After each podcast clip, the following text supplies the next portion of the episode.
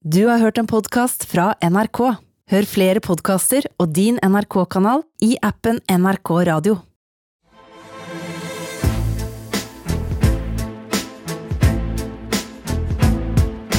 Trump mot verden med Gjermund Eriksen og Sean Henrik Matheson.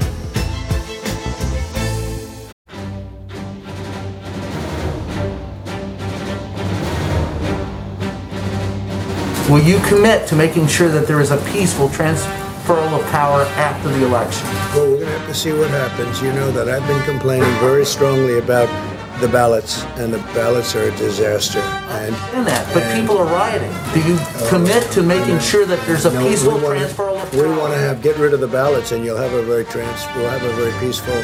There won't be a transfer, frankly. There'll be a continuation.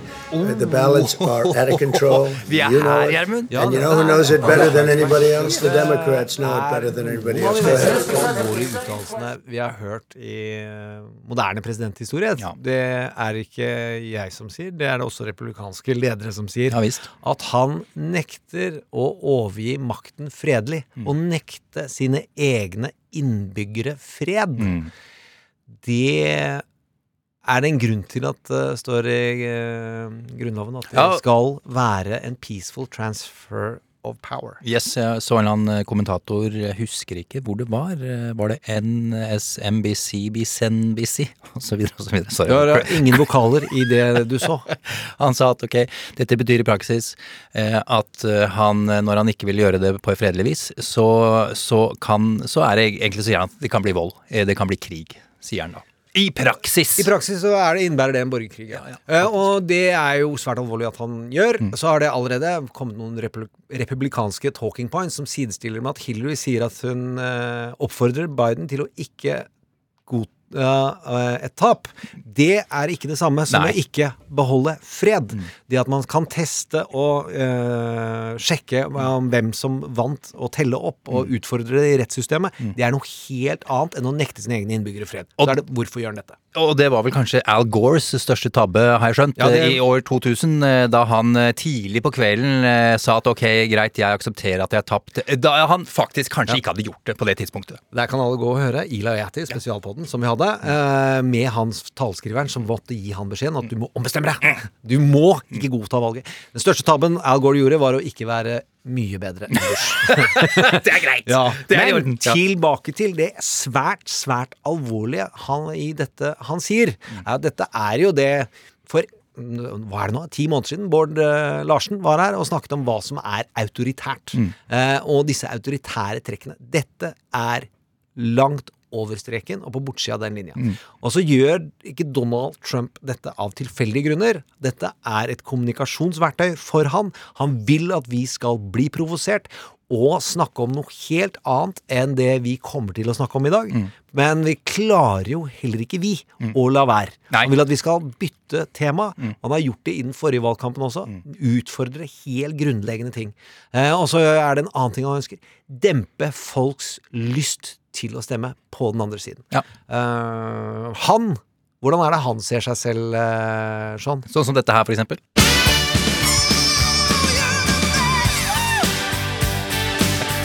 Ja da! Ja da!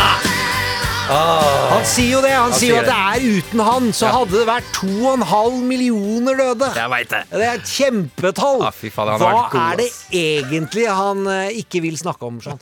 Nei, ok, jeg syns du har helt rett. Vi må nevne det unevnelige. Eh, Det Ja, det er ikke unevnelig, for det må jo det. altså, Ja, men det er, for han er det Ja, han unevnelig. Det er som han eh, duden, eh, han skumle i, i Harry Potter som du aldri må si navnet til. Det er litt sånn for Donald Trump. Jehova? Nei, ikke Det Jehova. Jeg husker ikke hva han het. Det Det samme kan det være. Eh, Jo, men det Donald ikke vil at vi skal snakke om eh, Voldemort. det, Voldemort! Må ikke si det! Det er jo Ja, det som er men meninga. Jo, men det er- er farligere å si Jehova Ah, okay. hvis du er, tror på det de gjør i Life of Brian. Tilbake til det unevnelige. Vi skal eh, si, nevne det unevnelige nå. Det er nå over 200 000 døde i USA pga. covid-19. Vi kan høre på humøret til Jake Tappert, som ikke er en fyr som hisser seg opp støtt og stadig, men han er klar og tydelig her. Eh, fra CNN, eh, Jake Tapper. Start today with some horrible news, frankly, in our health lead. Medical experts said it was avoidable. Dr. Fauci today called it stunning and sobering. But today, the United States passed the unfathomable milestone, one that no other country has reached, according to official numbers 200,000 people lost to the coronavirus. The first known death from the virus in the U.S. was reported on February 29th. Today, we are at the grim milestone 200,000 American deaths due to COVID 19. And there's no new strategy from the Trump administration to control the spread. There is no cohesive strategy for testing and identifying and isolating to the degree that health experts have been calling for since March. And nearly half the states in the United States are now seeing a rise in new cases. Despite all of this, all of this death, President Trump bizarrely gave himself an A plus on his handling of the virus. And the White House tried to defend his actions again. Ja, det, er greit, det er greit at du ler litt, Gjermund. Det er fint, det. Han ga seg sjøl A pluss, og det er helt Det er vilt mørkt. Det er ekstremt svart, og vi kan, skal ikke snakke om det, vi heller, for det har skjedd større ting akkurat denne uka her eh, som gjør at vi må skyve på det. Men dette er det han ikke vil at vi skal fokusere på. Ja, helt riktig det. Velkommen til Trump mot verden. Jeg heter Sean Henrik Matheson. Gjermund Eriksen har jo selvfølgelig hørt, hørt stemmen til eh, allerede. Eh, Til deg som hører på, det er superhyggelig at du gjør eh, at du nok en gang har lastet ned podkasten vår. Eventuelt skrudd radioen din til slik at den nå spiller P2. Stas at du hører på til nye lyttere. Velkommen til oss. Velkommen! Vi snakker om president Donald, Donald Trump og om amerikansk politikk. Vår lille tvist er vårt grep. Det er å sammenligne Trumps eh, presidentskap med de grepene som brukes i film eh, og TV. I fiksjon, da. Eh, Det, det som gjør at vi blir sittende og se på. Ja, du har hånda oppe, Gjermund. Ja, ja, ja. Fordi det mange tror at vi Oi, vi gjør noe veldig rart med å sammenligne med dramaturgi. La oss bare spille her. Dette er Deputy Chief of Staff. For president Obama, og er noe av det kuleste dama som går på planeten i det amerikanske kontinentet, i hvert fall. Mastrani. eh, Elizabeth Mastrani. Hun heter noe utrolig komplekst. Og hun er, ja, men hun er vilt oppegående. Men det hun sier, en av hennes viktigste jobber er Mm. å skape øyeblikk. Altså dramatisere president Obama. Ja. Hør her. Hi, Gibbs. Hello, Alyssa. Since we have known each other, which is, um, hold on, six, 17 years, you and I as a team have been in charge of putting together moments, right? Mm-hmm. Moments for Barack Obama, the senator, for the president. And one of my favorite memories and favorite pictures is the two of us. On a Nighthawk helicopter, and you and Axelrod, Så, we get off Air det Force å One. The sides are open.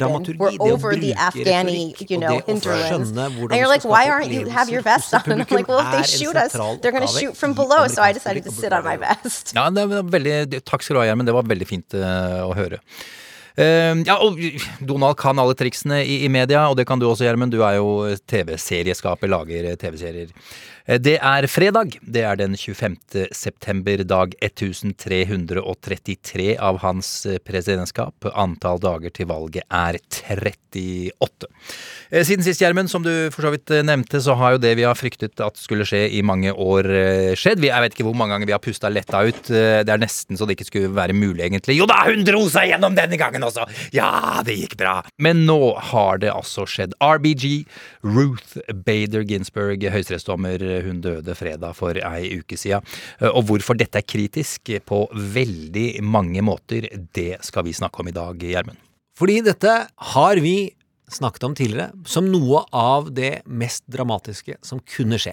Jeg tror vi var der i 2018 når det skjedde i den forrige valgkampen. Altså at Noe av det drøyeste som kan skje i den eh, valgkampen som kommer, er at uh, RBG dør på innspurten. Og i hvordan vi vanligvis tar imot dette som mennesker og publikum, og hvordan dette oppleves for mange amerikanere, eh, så kan vi sammenligne det med TV-serier og film.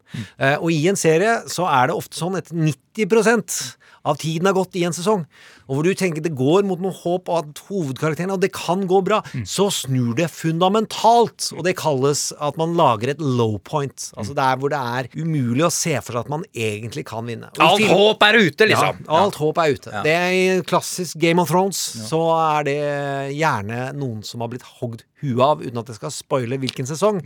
Men det satte en støkk i mange. I The Wire så er det et annet sentralt dødsfall som skjer i en sesong, hvor du tenker nei, da endrer jo alt seg.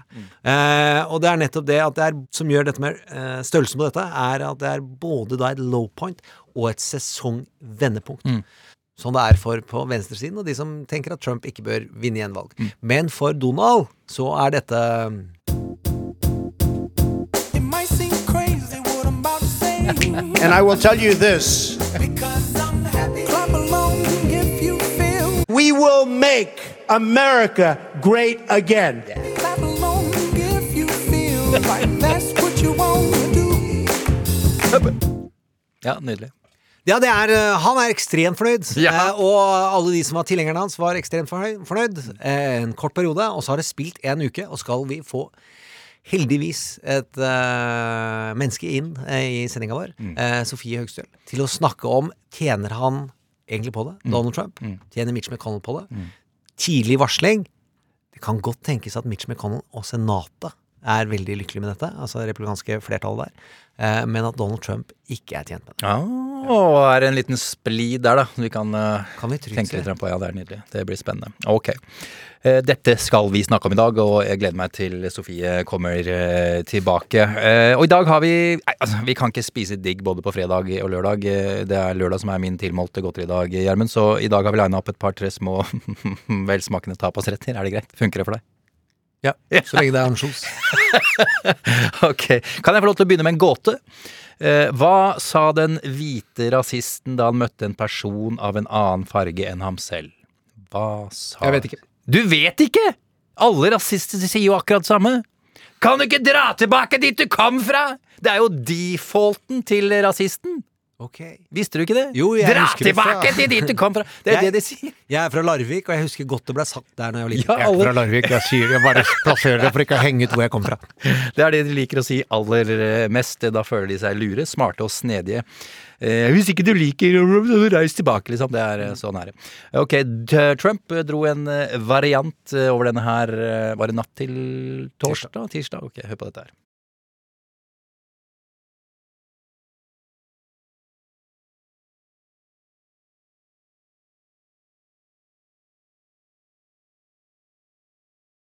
How about Omar of Minnesota?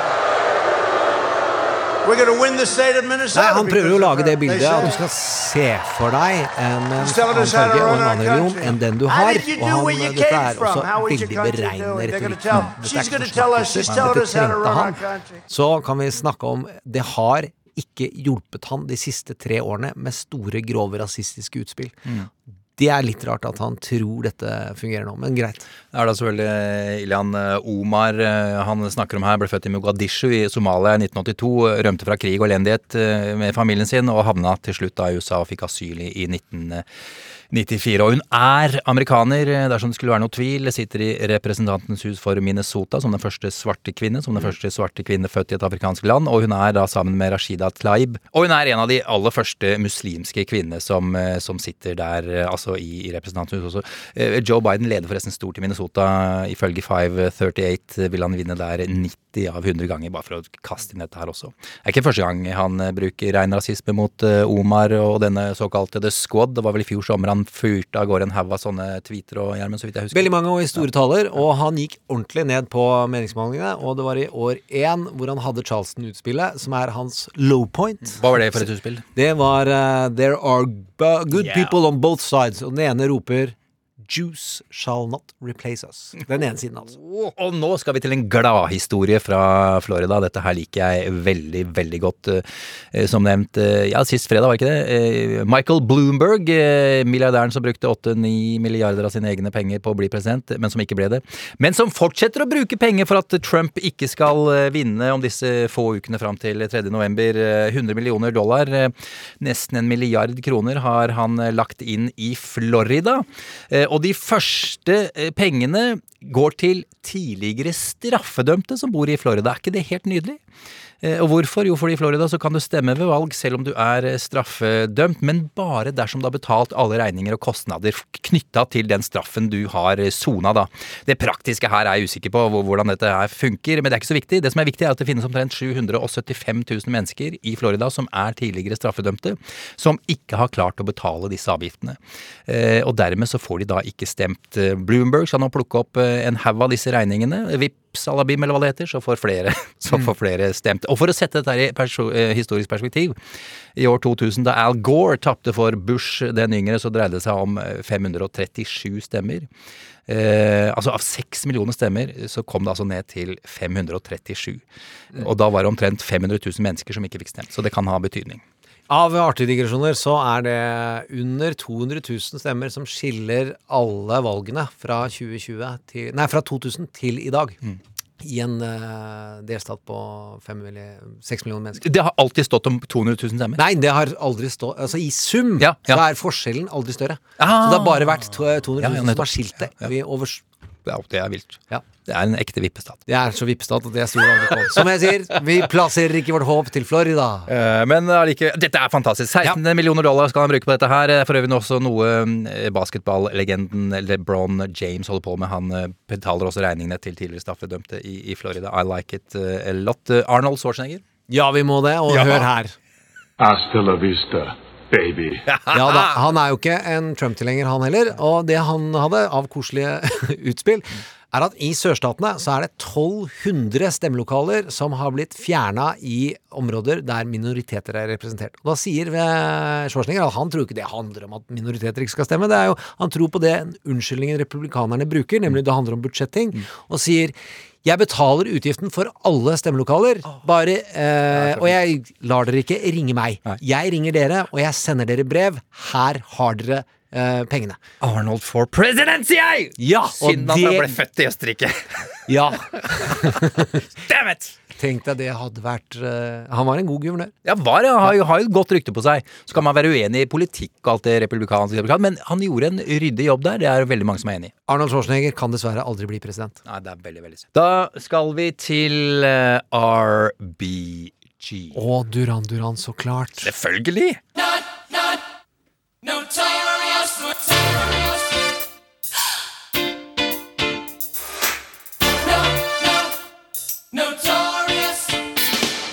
Trump mot verden.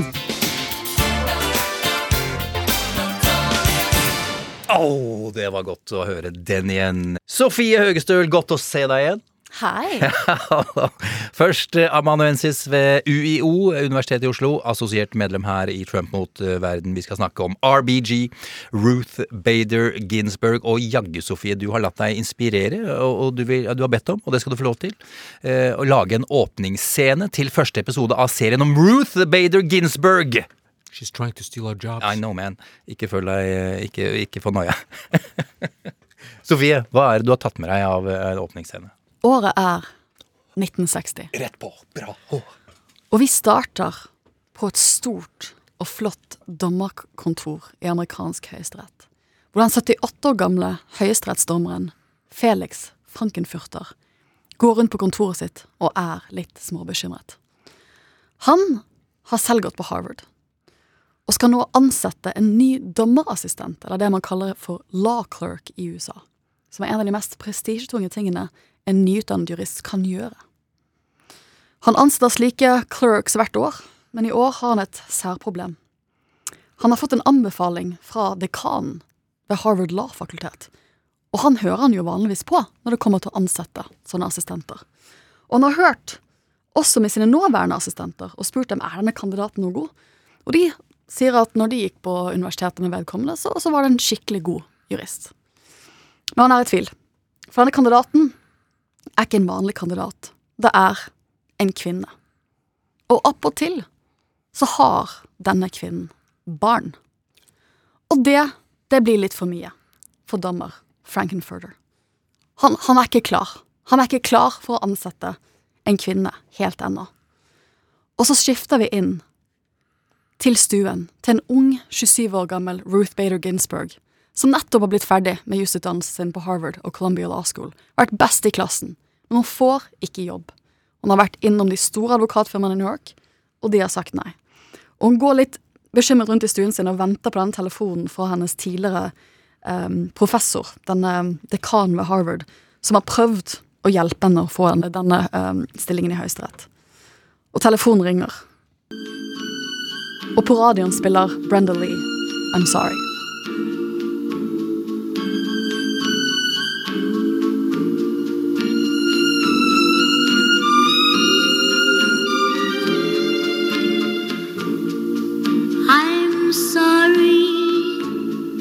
Sofie, for en scene, da! Herre min. Wow, herre min.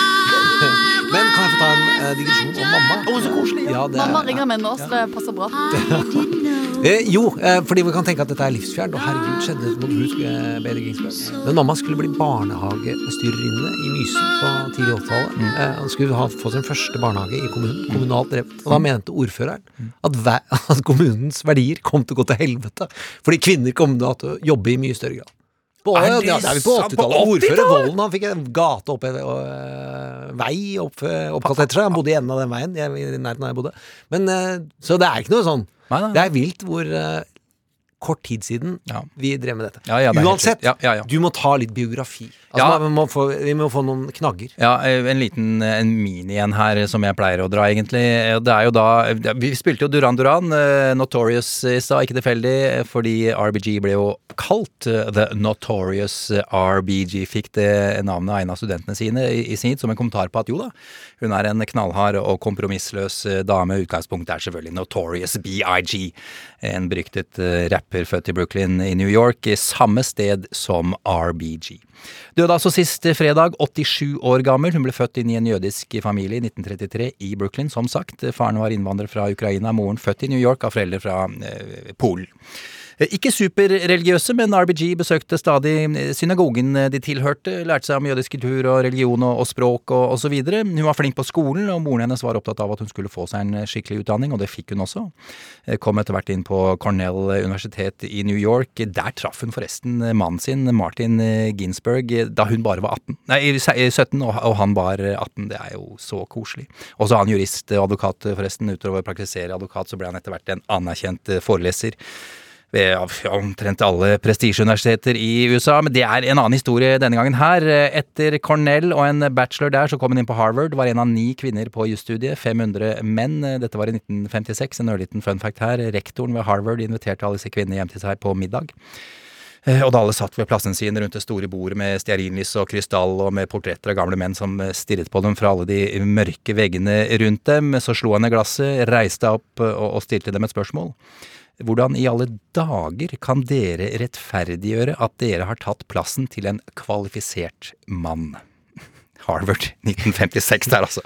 Eh, Etter hvert fikk Martin Ginsberg jobb i New York. Eh, Ruth overførte til Columbia universitet, og hun fullførte juristutdannelsen sin eh, der. Eh, Som vi kunne høre i scenen til Sofie, så var det vanskelig å få jobb etter endt eh, utdannelse, fordi hun var kvinne selvfølgelig, og barn også. Eh, Glem at hun var den med aller best karakterer fra sitt kull. En av lærerne hennes fra Colombia måtte nærmest tvinge en dommer ved SDNY, som jeg snakka om mange ganger før, jeg sier billions som et stikkord her. Hvis ikke du tar denne kvinnen inn til deg, så vil jeg aldri sende deg en eneste student igjen, sa læreren til denne dommeren. Dette var i 1960.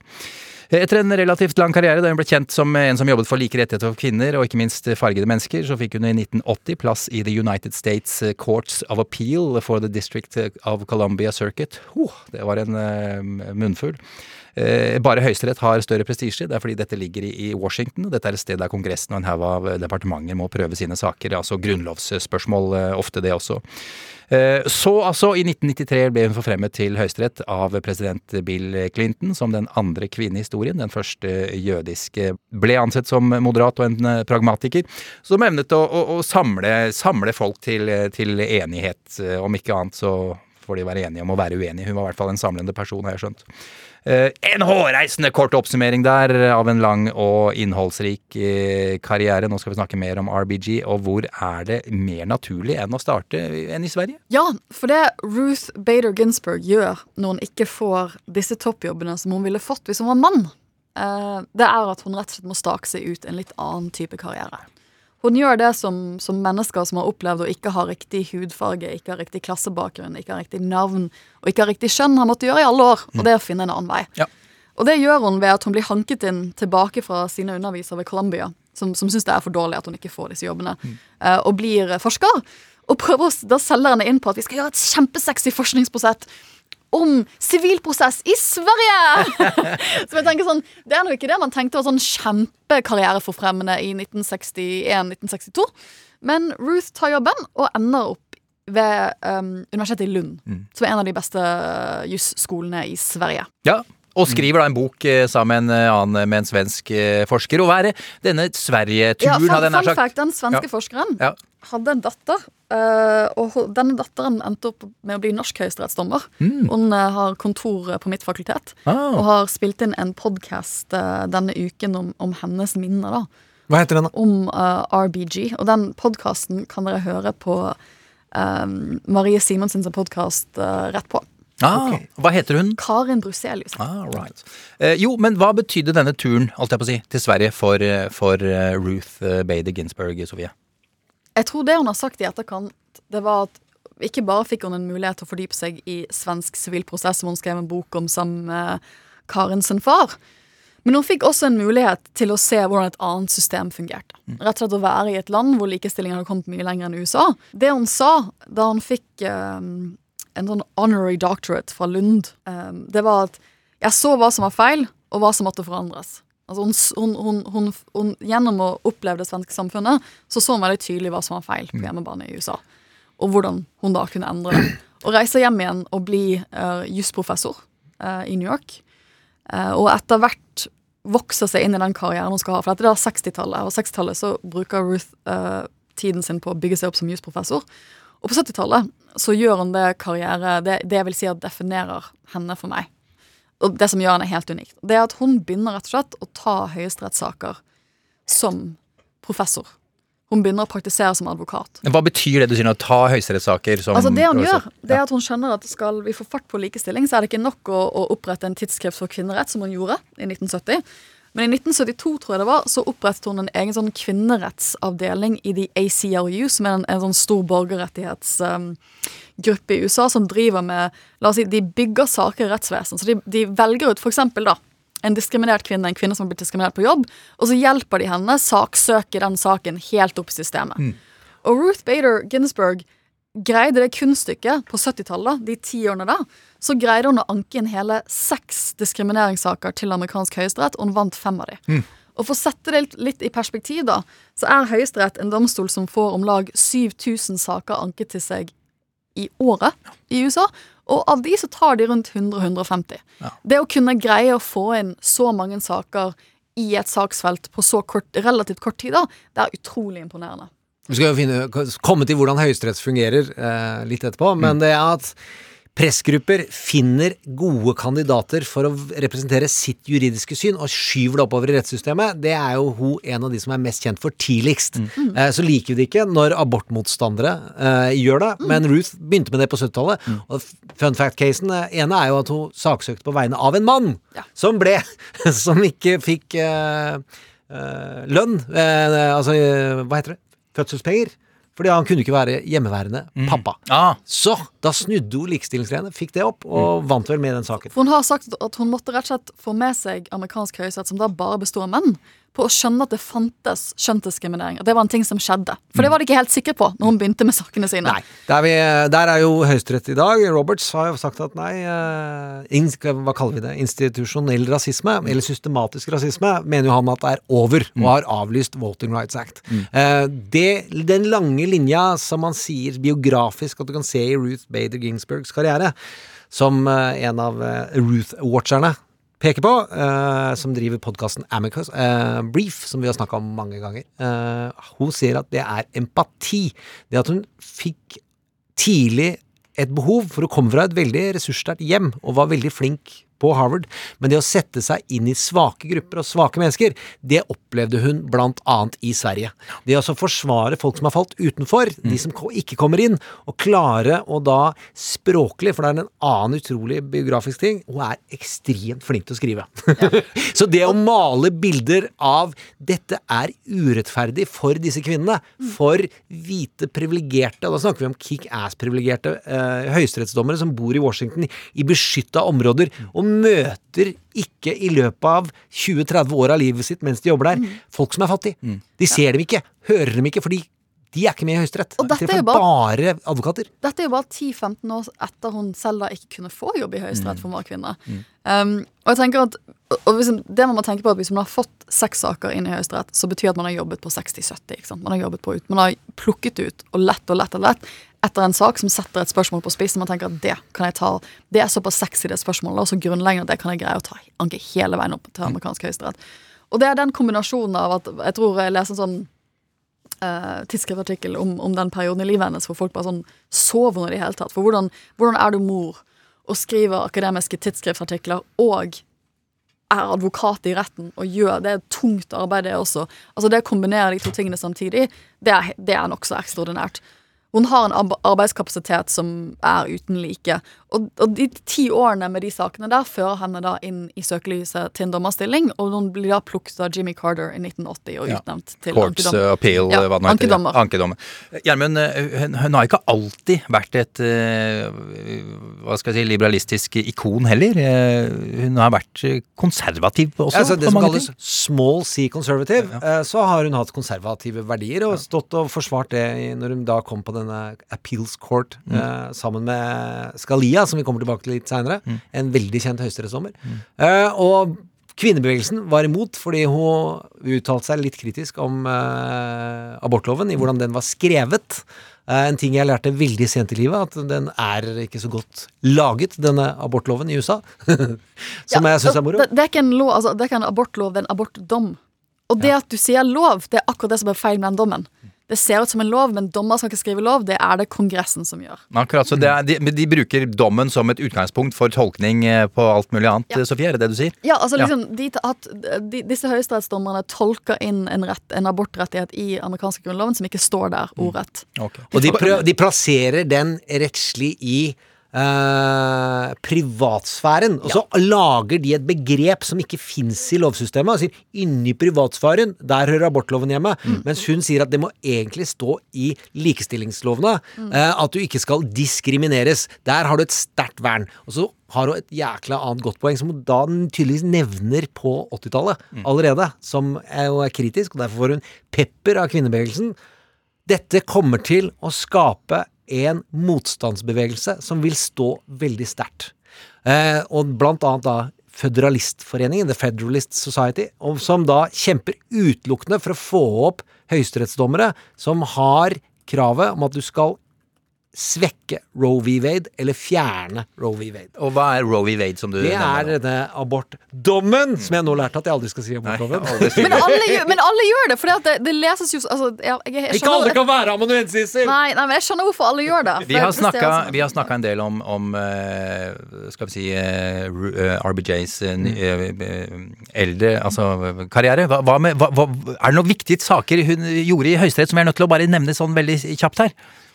Det er den store endringen som eh, Emily Bazelon eh, fra en annen Slate-podkast og Dahlia Litvik peker på, er jo når hun blir den eldste i mindretallet i Høyesterett.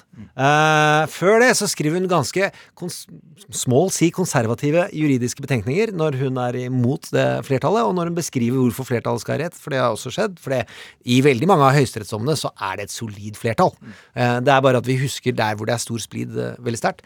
Så er hun sober i språkbruken. Men når hun blir den som er ansvarlig for å beskrive det som 'dette er vi imot'. Det at flertallet med Justice Roberts f.eks. lager Citizen United, som er en dom vi som er, Vi bør ikke ta den, men den er mange grunner til å være imot. Jeg tenker at Det hun blir kjent for etter hvert i Høyesterett, det er å dissent. I dissent. Det blir hennes ting. Og det betyr at jeg er uenig. Mm. For det som skjer i en høyesterettsdom, er ofte at det er ikke alle dommerne som er enig. Det er gjerne slik at de ikke er det. Og da skriver flertallet en flertallsdom, og det er det som blir dommen, men så skriver ofte mindretallet en dissens. Dissent på engelsk. Um, og hun ble kjent siste 20 årene for å skrive sånne dissenser, som Gjermund nå sier. Og en av de, kanskje en av de mer viktige dissensene hun har skrevet, uh, det er eh, en sak fra 2013, Shelby County versus Holder, som handler om, om eh, stemmerett, som er veldig aktuell i år. Uh, og da skriver hun Dette handlet om eh, Dette handlet om The Voting Rights Act, eh, som deler av, eh, deler av av flertallet i Høyesterett tenkte at vi trenger ikke akkurat alle de. Den, den Rasismen er over. Vi trenger ikke vi trenger den type beskyttelse lenger. For sånn, vi, vi har kommet oss lenger i verden. Vi, vi er Tidligere så var det 13 delstater som måtte rapportere. Hvis de endret valgsystemet, så måtte de få det godkjent sentralt. For de hadde prøvd så mange ganger med voter suppression at eh, det fant man ut på 60-tallet at disse kan vi bare ikke stole på. Og så sa de det er over, og så kom hun med Ja, og det han skriver da er at liksom, Det å kaste det ut når det har funket, og fortsette å stoppe diskriminering, is like throwing away your umbrella in a rainstorm because you're not getting wet. Når du har oppe paraplyen, og den beskytter deg Ja, så han der. Så- Bare behold den, liksom. Ja. ikke Og kast den, kast den. Den type språkbruk brukte hun ikke før hun da begynte å dyrke dissensen, og hun sier da at det er der motstanden sås. For hun sto jo på utsiden. På 60- og 70-tallet så var hun ikke på innsiden, så hennes eh, rolleforståelse mot slutten av livet handlet om at det er motstemmen som vinner. Så vil hun jo si at hun hadde alle de gode korta. Og så, jeg tenker sånn, jeg får, jeg har fått spørsmålet, men hva er så viktig med en sånn dissens? Og det er et veldig godt spørsmål. Men jeg tenker at det som ofte er viktig hvis du ser på Høyesteretts historie, det er at en dissens kan ti år senere bli det flertallet lander på. For de endrer jo ofte mening, og så vokser Det, det er jo gjerne slik at en rettsoppfatning vokser frem over tid. Så hvis man har en sterk dissens da, for 10-20 år siden, så kan det godt være at Høyesterett plukker opp den tenker sånn Å, nå, nå har tiden beveget seg litt. Nå er tidsånden kanskje at, vi skal, altså, at det er dette her som var riktig justolkning. Og så løfter man det frem. Så man vet at skriver man en, en, en sterk dissent, så er ikke det slutten på saken. Det kan være begynnelsen. Og i, på slutten av livet nå, i fjor, så hadde hun da Det er skrevet en stor, lang, autorisert biografi av en fyr som jeg ikke husker navnet på. Som jeg ikke har lest, men jeg har hørt på intervjuer med han. Eh, og han er, la oss si, eh, ikke objektivt begeistret.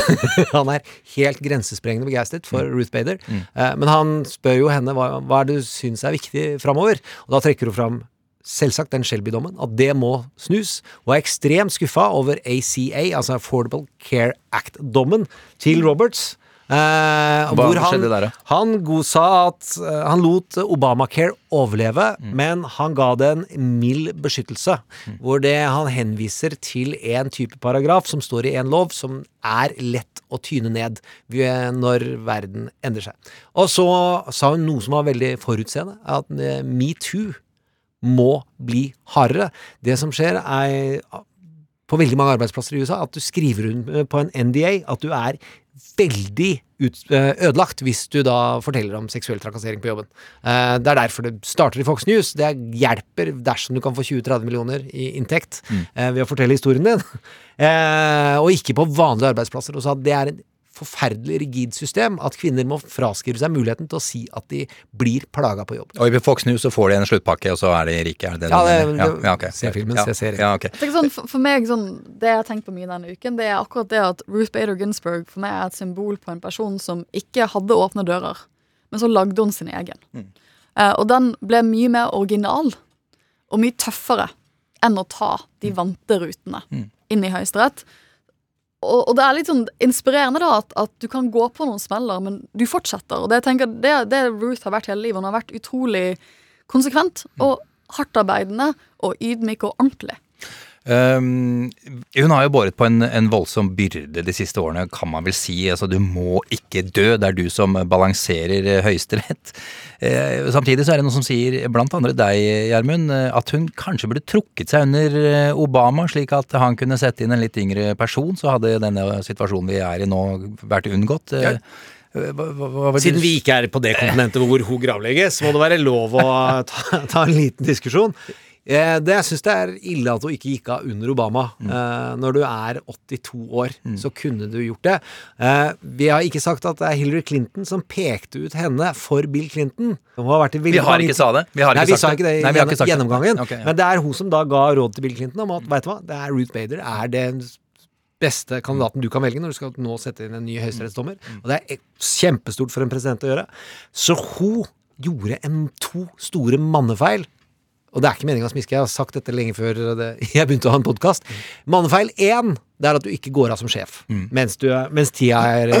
Eh, og det burde hun gjort.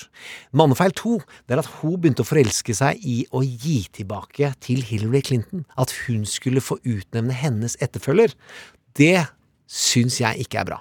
Ok, hva, for det var en avtale de hadde mellom Nei, det er ikke en avtale, Nei, nei, det er en det- det- ja, det- Det det- lukter av det. Ja, okay, ja. Ja, men jeg, jeg tenker at jeg bodde i USA i 2011-2012 og så han for så vidt i Høyesterett. Og det var jo snakk da skal han gå, Nå skal han gå av. Mm. Altså, det var rett før valget, gjenvalget til Obama, men det var jo tanker da. For hun, hadde, hun har jo vært syk lenge. Ja. Hun, I andre perioden til Obama så hadde hun jo kreftsykdommer og Støtt. operasjoner og så videre. Men jeg tenker at det er, liksom, det er jo litt sånn Det er jo det som egentlig har skjedd i amerikansk politikk eller samfunnsliv generelt sett, at folk blir sittende i ting til de dør. Ja. Og det kan man også gjøre, da, i Høyesterett. Det kan man også gjøre. Og det. nekke, jeg, jeg tenker sånn, Det kan jo godt være sånn tenk, så vet du, Dette her har alle gutter gjort gjennom alle år, de også. De har sittet og sittet og sittet. og sittet. Skal, jeg skal ikke, faen meg ikke si opp før liksom, og, og, liksom, si, jeg, jeg, Hun fikk denne stillingen sent i livet. Hun var 60 når hun ble utnevnt. Mm. Hvis du ser på alle de andre høyesterettsdommerne som sitter i Høyesterett nå, så var de noen og 50. Så hun var jo, det var en av de få tingene som, som ble talte mot henne når Bill Clinton skulle vurdere henne, var at hun var gammel for stillingen, følte de. Så jeg tror hun ville suge så mye ut av den stillingen som overhodet mulig, og det gjorde hun. Det, hun. Hun holdt bare ikke i de syv-åtte ukene som kanskje skulle ha til hvis Og vi vet jo ikke, Trump kan godt bli gjenvalgt. Og det her har ekstreme konsekvenser. Det, det må vi snakke om. Ja, det det- her er, eh, dette går, er, går ikke i riktig retning, for å si det sånn. At det går ikke i Ruths favør at hun døde her. Og hun var trassig mot Obama, altså. Sjelden at det går i noens favør når de dør, kanskje. Jo, du kan dø på utrolig riktig oh, ja, dag. du kan det? Ja, du kan ha gitt ut den beste plata, og så legge på Og røret. Og på. så hører alle på den, Skjønner. eh, og ikke oppdager deg etter din død. Eller noe sånt. Og Det er mange som gjør og får det, men at du dør, og så viser det seg at noen kommer og skal si at alle de platene du har spilt Ja, vi lager noe annet musikk nå, vet du. Jeg tar dissens på den. Vi skal til Høyesterett.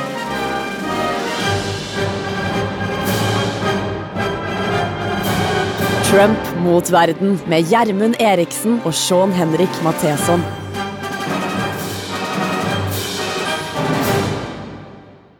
Høyesterett, The Supreme Court, ledet av Chief Justice John Roberts, Høyesteretts justitiarius, altså. Eh, Som den norske høyesterett er The Supreme Court landets øverste rettslige instans, og den er føderal. Det betyr at alle stater i USA må forholde seg til det som, bestemmes eh, der. Den består av justitiariusen og åtte andre medlemmer, ni til eh, sammen. Det er ni for at den skal være beslutningsdyktig, at det vil bli et overtall når saker skal avgjøres. Som regel relativt jevnt fordelt eh, mellom demokrater og republikanere. I dag er det fem republikanere, og fram til RBG døde, fire demokrater. Eh, Det er presidentens oppgave og privilegium å utnevne høyesterettsdommere. En, en, en stor og viktig oppgave som alle presidenter liker eh, å gjøre. Det gjør at de kan prege landets retning i forhold til viktige verdivalg i, i årevis. Og husk, de som utnevnes til å sitte der, de kan sitte der på, på livstid. Kan jo nevne Trumps eh, hittil to utnevnelser. Det er da Neil Gorsuch. Gorsuch og, og Brett Kavanaugh, to meget konservative dommere. Altså, Brett Kavanaugh var jo den store stjerna for ja, et par år siden nå. Du husker vel ham? Yes, we drank beer. Uh, my friends and I, I liked beer.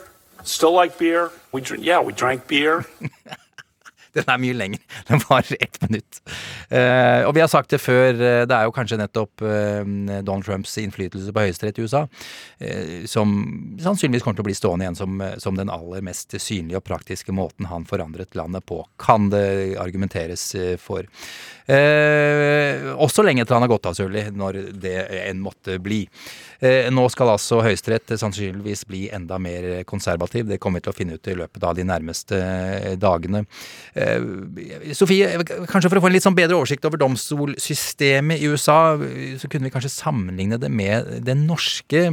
Hva er de store forskjellene, hvis vi begynner der? Vi kan jo begynne med størrelse.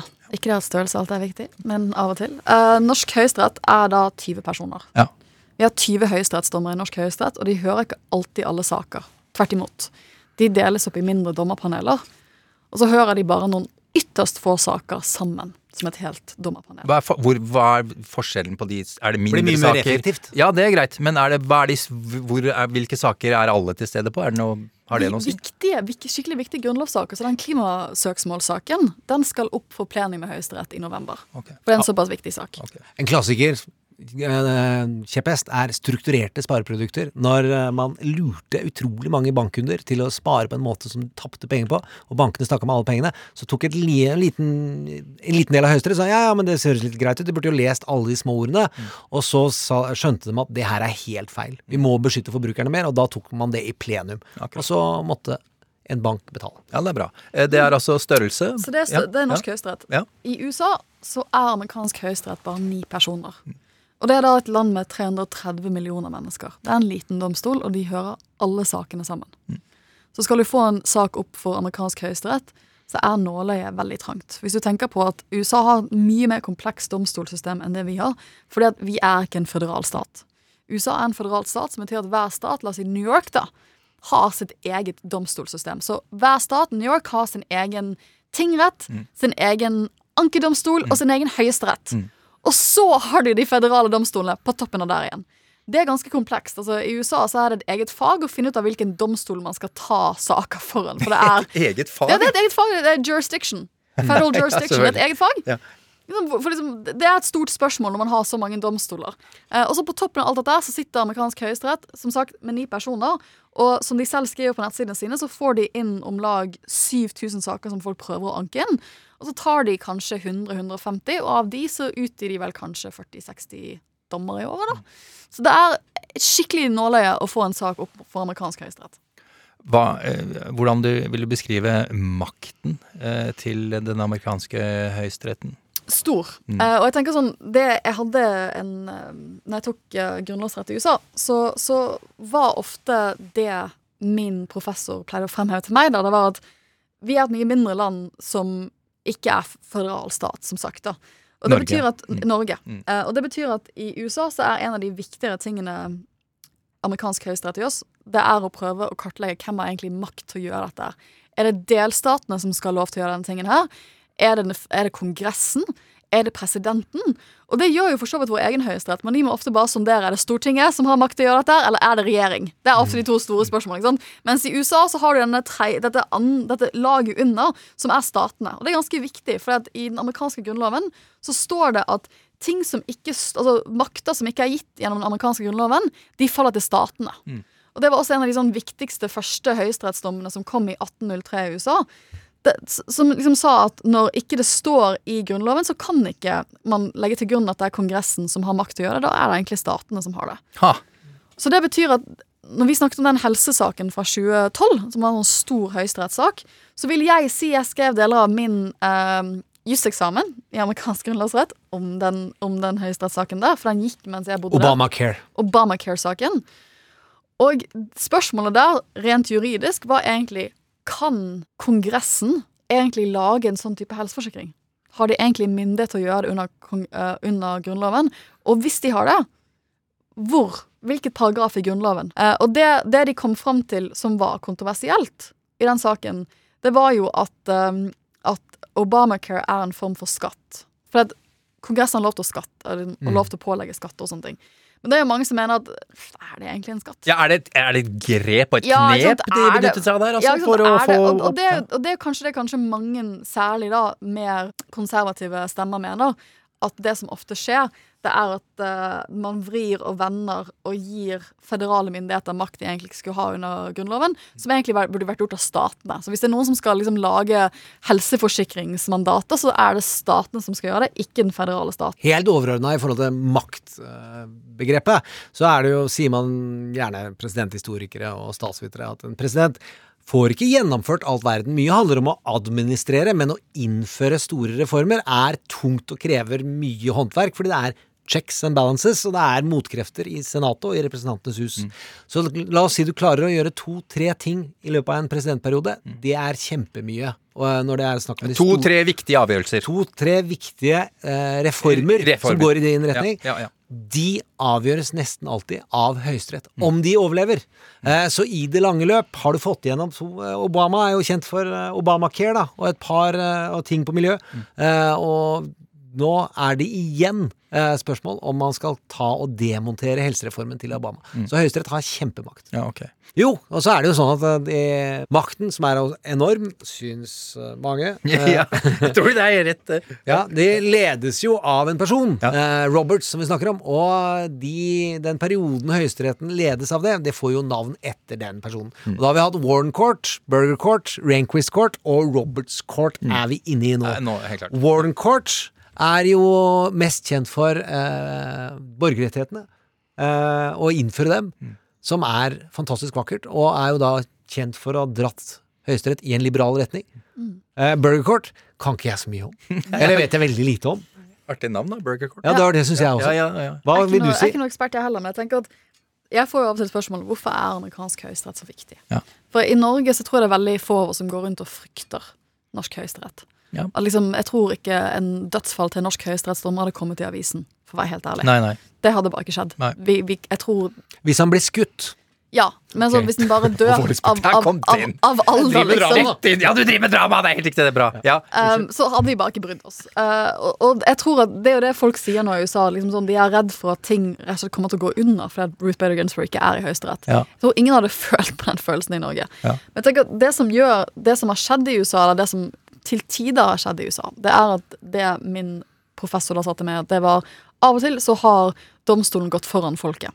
Og Et eksempel på det for eksempel, er Brown versus Board of Education, som er en av de mest kjente høyesterettssakene fra 1954, hvor amerikansk høyesterett så på segregering av amerikanske skoler, altså barneskoler, ungdomsskoler og videregående, og ser på det og sier vet du hva, dette kan vi ikke fortsette med. Vi kan ikke segregere barn på bakgrunn av hudfarge. Vi kan ikke fortsette sånn, og så vi tolker rett og slett eh, en del av den amerikanske grunnloven til å si at dette er en form for diskriminering, og vi må, vi pålegger statene å avvikle det. Og da, da hadde jo mange stater bestemt å ha dette systemet selv, de syntes det funket helt greit. Og så med ett, altså med én dom så skjærer amerikansk høyesterett gjennom, og, altså, og skoler over hele landet må rett og slett de må rett og slett rette altså legge seg om på dagen, Mm. mer eller mindre. Um, og det samme på noen måter er Roe versus uh, Wade, uh, som er denne abortsaken fra 1970-tallet, hvor statene på det tidspunktet i USA hadde veldig ulike tilnærminger til abort. Noen stater var det helt ok, hadde abortlover, man kunne ta abort. Andre stater var det ulovlig. Og det står jo ingenting i den amerikanske grunnloven om abort. Den var jo skrevet litt før det ble et spørsmål. Um, og, da, og da sa min professor til meg at forskjellen mellom Norge og USA er at i Norge så har vi laget en abortlov. Vi har brukt Stortinget og våre politiske myndigheter til å krangle om et vanskelig samfunnsspørsmål. Og så har vi kommet frem til en abortlov som veier forskjellige hensyn, som alle kan ish leve med. Vi krangler fortsatt litt om den, Ja. men den står der. Mm. I USA i motsetning så, så hadde man ikke greid å lage en nasjonal lov, abortlov. Det, var ikke noen, det er et spørsmål igjen om Kongressen kunne laget noe sånt. Det er et interessant juridisk spørsmål. Um, for igjen, de har ikke all myndighet til å lage lover om alt. Mm. De har begrenset makt. Mm. Uh, og for det, ikke sant, sånn, at fordi at vi ikke har vært siviliserte nok til å sitte oss ned og komme til en politisk løsning på et så vanskelig samfunnsspørsmål, så måtte igjen Høyesterett gå inn og gå litt foran landet og si at i den Roe versus Wade-saken, det amerikansk høyesterett egentlig sier, det er at alle stater er pålagt å tilby aborttjenester innen en viss grense, for det at vi anser retten til å ta abort som en del av kvinnens privatlivssfære opp til et visst punkt, så opp, i tiden da, i svangerskapet, så skal hun få lov til å gjøre det. Og da tvang man jo da særlig en del sørstater som ikke hadde lyst til å gi abort, de måtte begynne å tilby aborttjenester uken etter. Mm. Og det er jo den gjennomslagskraften amerikansk høyesterett har. Da må samfunnet rett og slett endre seg på dagen. Og det ble jo starten på en lang, lang krig for å få, fra, fra konservativ side, for å få amerikansk høyesterett til å bli mindre aktivistiske. For de mener at det er en aktivistisk tolkning av Grunnloven. Det står ingenting i Grunnloven om Så starter startet de en aktivistisk bevegelse mot aktivisme, som er Mm. et selvskudd, mener jo jeg. Men det er jo, eh, var jo Ruth Bader Ginsburg sitt poeng, at eh, nettopp at det var svakt juridisk og eh, demokratisk forankra. Det gjorde at den eneste måten, den letteste måten å få fjerna det var, var å få bytta dommere på toppen. For da får du fjerna det. Det har ikke noen forankring noe sted. Det står ikke i Grunnloven, det er ikke i de delstatlige grunnlovene, og det er ikke i de andre lovene heller. Så da, ved å fjerne høyesterettsdommere og få bytta flertall, da skjønte denne antiaktivismen på jeg vil si ytre høyre, for jeg er ikke så veldig glad i abortmotstand. ikke ytre høyre, det høres veldig brunt ut. Det var veldig feil. Nei, men det er greit. Vi skjønner hva du mener. ja. Men på konservative, som vi er imot selvbestemt abort, eh, de ville da fjerne dommere. Mm, okay. Ja, og hvis, For å gi dere et, sånn, et innblikk, da, dette blir jo da på engelsk, men den biten av den amerikanske grunnloven som har tolket abortrettighetene inn, det er the 14th Amendment, section 1, hvor det står at um, No state shall make or enforce any law which shall abridge the privileges or immunities of citizens in, of the United States, nor shall any state deprive any person of life, liberty or property. Og inni der så har man tolket en privat, rett til privatliv. Det står ikke i teksten, Nei. men det har man tolket, det har man gjort eh, over flere år, over flere tiår. da. Og så inn i den retten som ikke står i amerikanske grunnloven, retten til privatliv, så har man tolket en abortrettigheter. Det høres jo veldig vanskelig ut, dette her, syns jeg. Ja, og, og, da, og da, men da er, vi, da er vi jo inne i den striden om tolkningen av. Grunnloven, som er egentlig denne striden om konservative dommere. For det handler om hvordan man skal tolke dette gamle rettsinstrumentet som er en grunnlov. Og etter det så ble det vilt mye mer politisk hvilke høyesterettsdommere man skulle ha. Og det betyr at det som var en gave til presidenter, at du får utnevne høyesterettsdommere, men det var- handla ikke om at det var en sånn sjekkliste av hvilke meninger du hadde, og øverst på den sjekklista, på eh, høyresiden, så måtte det være at du har vært kritisk til abort. Mm. for det er den eneste veien inn eh, for, fra, på den konservative siden nå. Det ble betent, og der fikk man noen kamper som er historiske, og som man må skjønne at det er eh, ekstremt store dramaer, og som ikke handler om juss. Eh, og da vil jeg bare nevne Ja, eh, i, i Sylvester Stallone, siden vi har snakka om Arnold, Arnold Schwarzenegger, Ja, ja. sin film First, First. Blood. First Blood, er! Det som alltid konservative nevner, er at det er demokratene som begynte. Mm. For det var Reagan som skulle utnevne Bork. Ja. Ja, og Bork da angrep eh, demokratene den kandidaten personlig på privat eh, karaktertrekk. Eh, og fikk han vekk. Ut fra den datidens standard så var det helt uhørt eh, hva de angrep Bork for, og gjorde han da til å ikke kunne bli godkjent i Senatet. Og de nektet da eh, republikanerne eh, den kandidaten som pres deres president ønsket å ha. Hva er det han ble angrepet for? Ja, det tror jeg var at han ikke hadde så god moral. Ah, ok, greit. På ulikt vis. Ja. At det blei insinuert eh, om eh, både det ene og det andre. Dårlig moral, med andre ord. Ok, hva nå enn det er. Nei, det Ok. er mot kvinner og Ja, med, alkohol. ja, Og, og- altså, han ja, har ok. en slett personlighet, Ja, og det hadde de se- kanskje papirer på. Ja, Det vet ikke jeg. Nei, nei, nei, ok. Men second? Bork ble i hvert fall ikke dømt, og de syntes det var et karakterdrap. Den, den andre Mm. var Thomas, den første svarte høyesterettsdommeren, som da dere kan gå og se, det er lagd både filmer og serier om, Anita Hill, Mm. eh, som sier at det var sek grov seksuell trakassering. Mm. Og Anita På Hill- jobb. På jobb. Og ja, det denne er- høyesterettsdommeren. Ja. Og det var Biden som leda godkjenningen av Thomas, Mm. og han var avvisende til Anita Hill, så dette brukes jo mot Biden den dag i dag. Ja, visst gjør det. Eh, For etter da nåtidens metoo-standard, som burde antakeligvis vært innført før Anita Hill, eh, så er det ikke lov å seksuelt trakassere, og da blir du ikke høyesterettsdommer. Eh, Og det er lite omstridt om Thomas hadde oppført seg ræva, altså. Det var second blood. Ja. Third blood. Merrick Garland. Ja, og det er jo han som Obama skulle utnevne. Mm. Fordi Antonin Scalia døde. Altså denne veldig konservative, glimrende Ville du, Sofie, kalt det sexy jusstjerne på Antonin? Sexy På en konservativ antiabort syns du er en sexy jusstjerne, Okay. og det er greit. Greit. Det syns jeg er veldig fascinerende og veldig bra. Ja, ja. Uansett, Ruth syns også det. De var jo bestekompiser. vet du hva? Antonin Scalia han ble spurt hvis du skal reise på en øde øy, vil du ha denne mannlige superjuristen for konservativ eh, side med deg, eller denne mannlige juristen fra eh, konservativ side med deg? Ruth Bader Ginsburg. Ingen tvil. Han sa at det kom sånn! Ja. Antonin Scalia var jækla morsom og Ja, okay. utrolig eh, tøff i klippa når, eh, med ord. Vi var på Third Blood. Eh, Third Blood. Det var jo at Obama ikke fikk godkjent Mary Garland. At Mitch McConnell sa nei, det vil gi et valgår! Hallo, jeg går litt unna mikrofonen, skal vi teste noe her, folkens? I et valgår går jo ikke an å ha en godkjent en høyesterettsdommer! Som han innførte som en helt tilfeldig valgt regel. Ja. Nesten like, altså mye svakere fundert enn uh, abortloven. Eh, og, og sa eh, nei, det kan vi ikke, fordi han hadde flertall i senatet og kunne blokkere. Blokkerte og sa at det må Trump gjøre når den neste presidenten blir. Og brukte det som valgmob, eh, valgmobilisator. Scalia, bare for å klare det, Scalia dør da i februar 2016.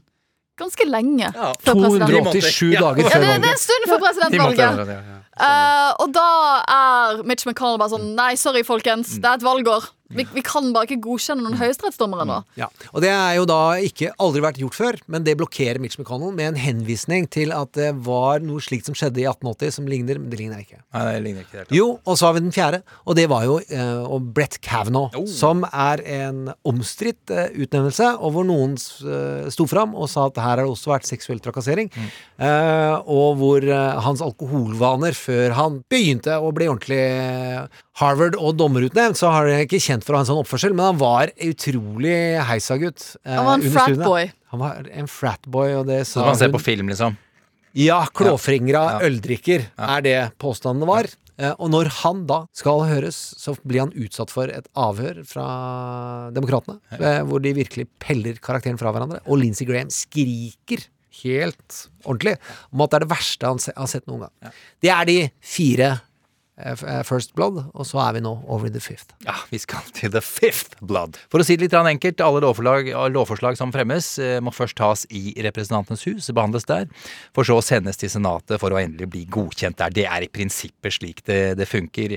Eh, En annen ting som Senatet gjør, som vi har lært de siste par åra, er at de også er dømmende makt under en riksrettssak, for eksempel, for hvem det nå skulle gjelde.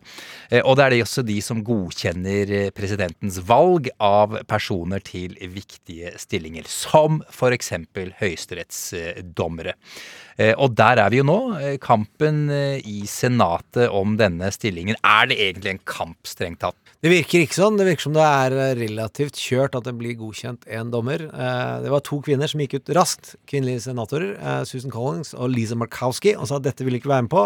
Den tredje vi hadde et håp til, var Mitt Romney. Ja, hva skjedde der? Han sa at han ville ha en avstemning på gulvet. Det betyr ikke at han forplikter seg til å stemme på den, tror jeg, men han sier at han vil dømme Uh, on the merits.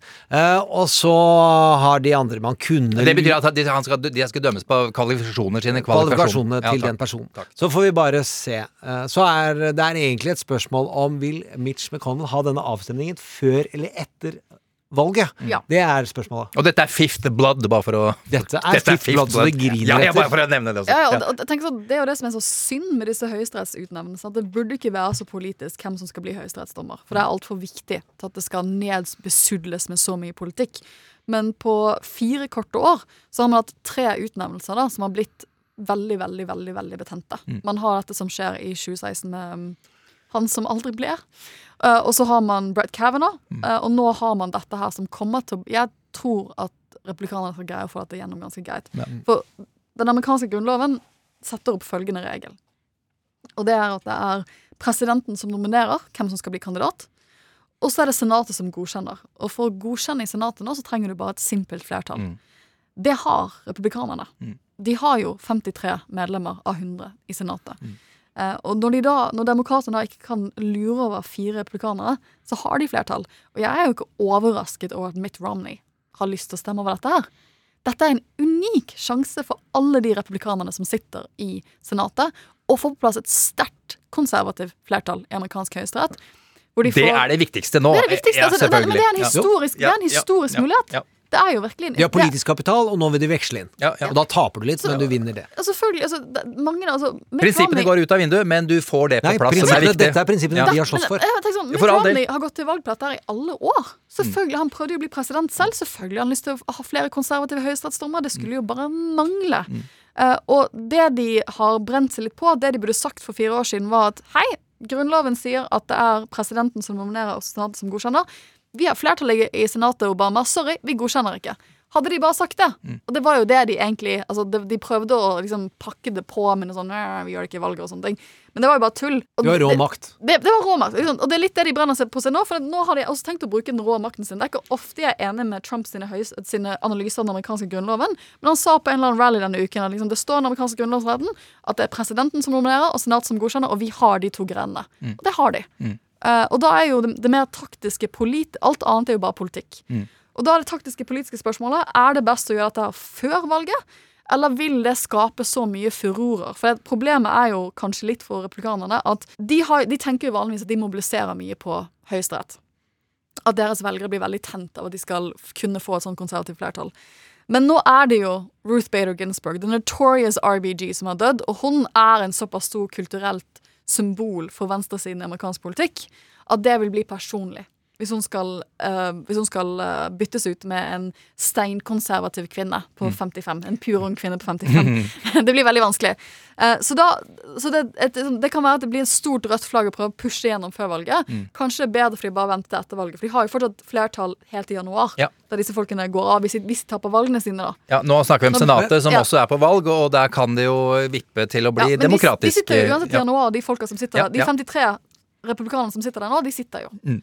Um, og da tenker jeg at det, det blir et politisk spørsmål. Ja. Hva er best her? Men det er altså Trump har jo lyst til å egentlig, hvis han tenkte markedssmartest, uh, velge å flytte det etter valget. Sånn så, Stem på meg, for da sikrer vi oss denne høyesterettsdommeren sånn så, mot hva som helst som kan skje etter valget. For at det kan ryke masse senatorer, og da kan det være et press på de som er der, slik at den politiske stemmen som kommer, eh, er at vi vil ikke ha den. Mm.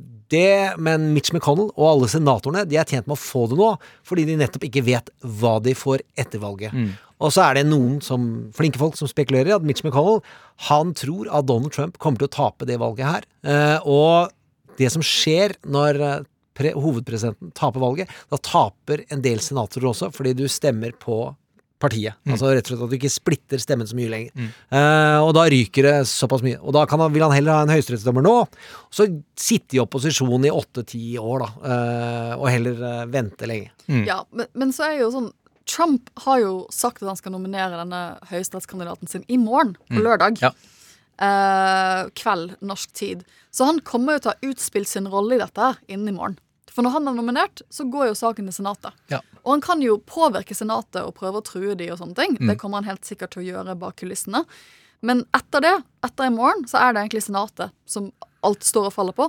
Og de har kanskje, som Gjermund sier, litt forskjellige strategiske interesser for det Trump har. Men samtidig, Trump har jo sagt, uh, sagt denne uken at han ønsker en ny høyesterettsdommer innen, altså før valget. Mm. Han kommer til å trenge ni høyesterettsdommere hvis dette valget kommer til å bli beskyttet og avgjort i Høyesterett. Ja, ja, okay. Og da kan det også være en fordel å ha eh, et flertall av konservative i eh, Høyesterett. Tenker nå han. Tenker du han, ikke sant? Ja, vi får ok. se hva som skjer. Vi får se hva som skjer.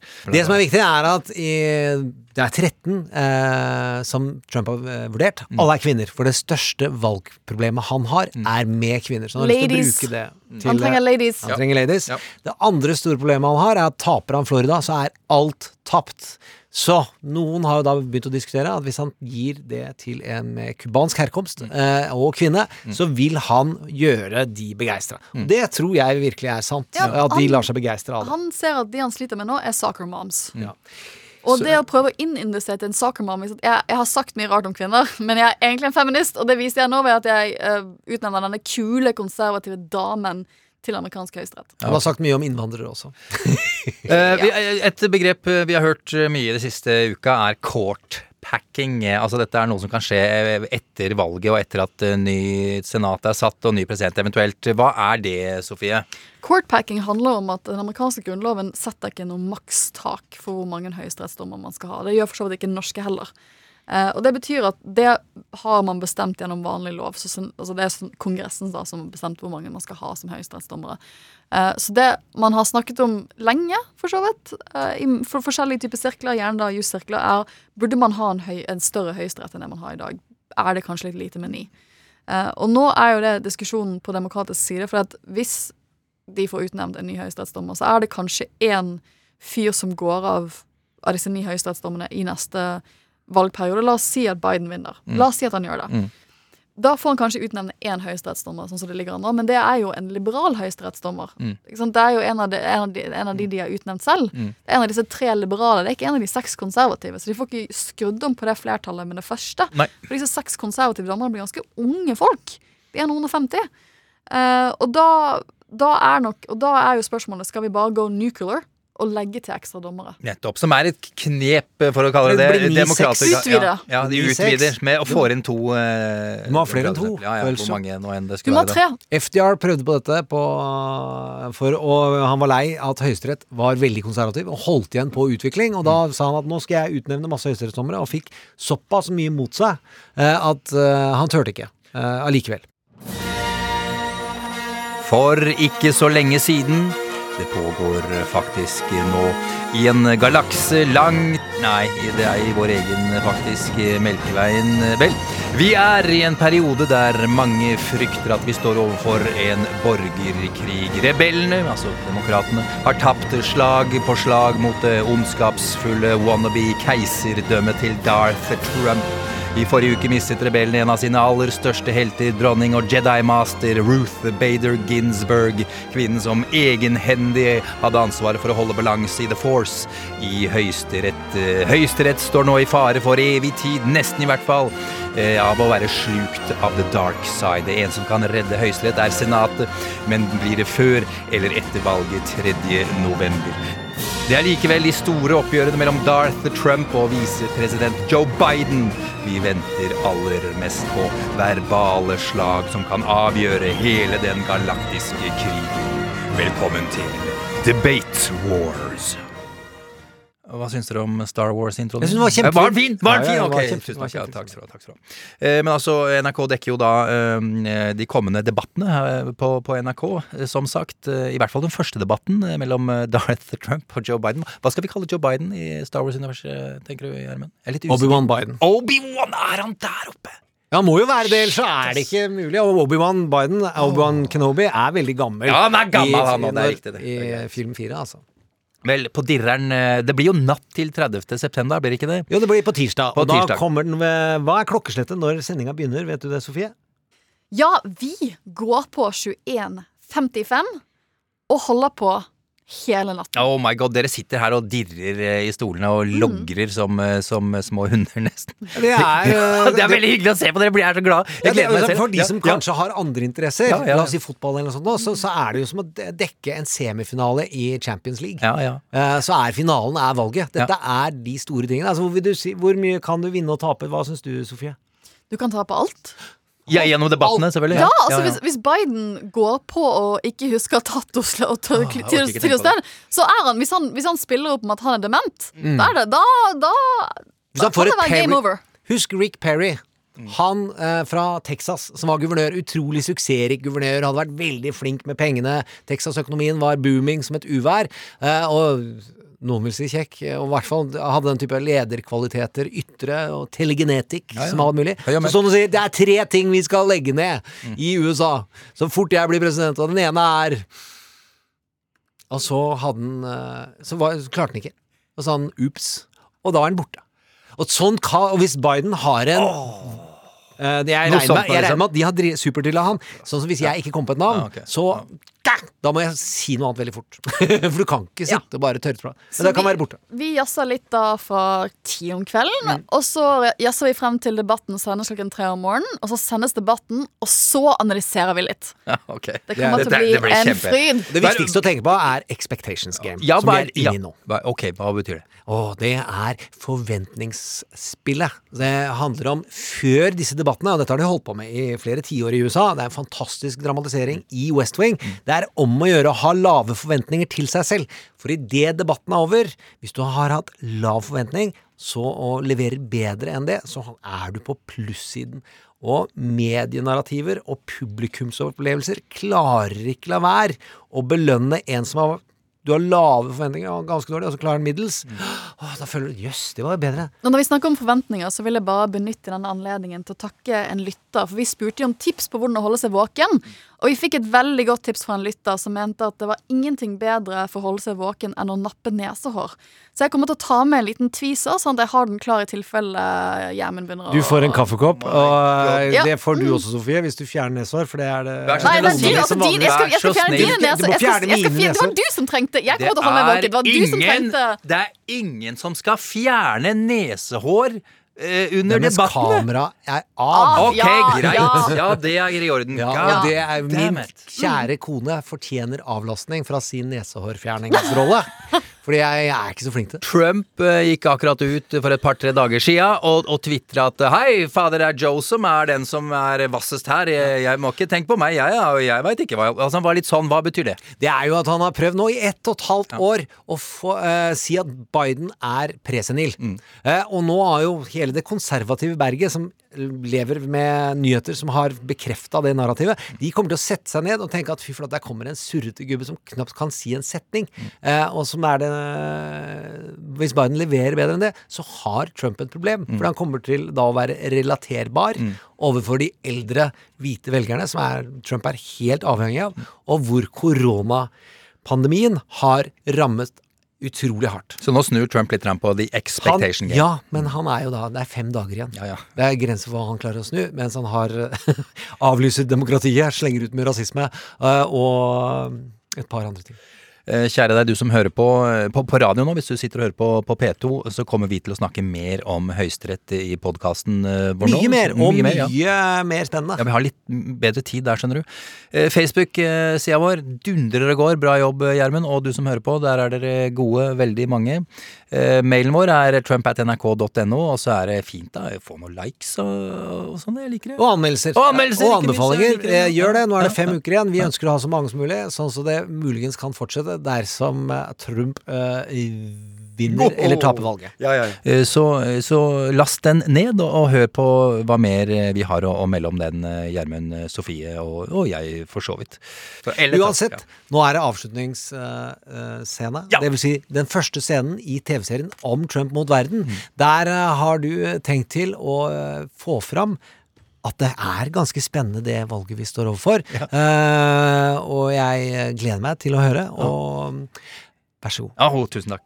Er du klar? Ja.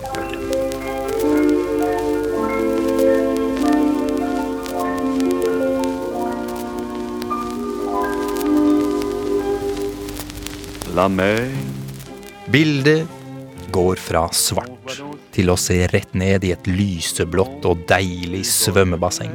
Solen får det til å blinke. Så klippes bildet til store, deilige palmer som vaier lett i vinden. Vi ser blå himmel, solen skinner, bildene er varme og gode. Så er vi plutselig over krystallklart hav. Kamera flyr over vannet. Vi nærmer oss stranda der borte. Menn og kvinner i badebukse, bikini, barn som leker i sanden. Idyll.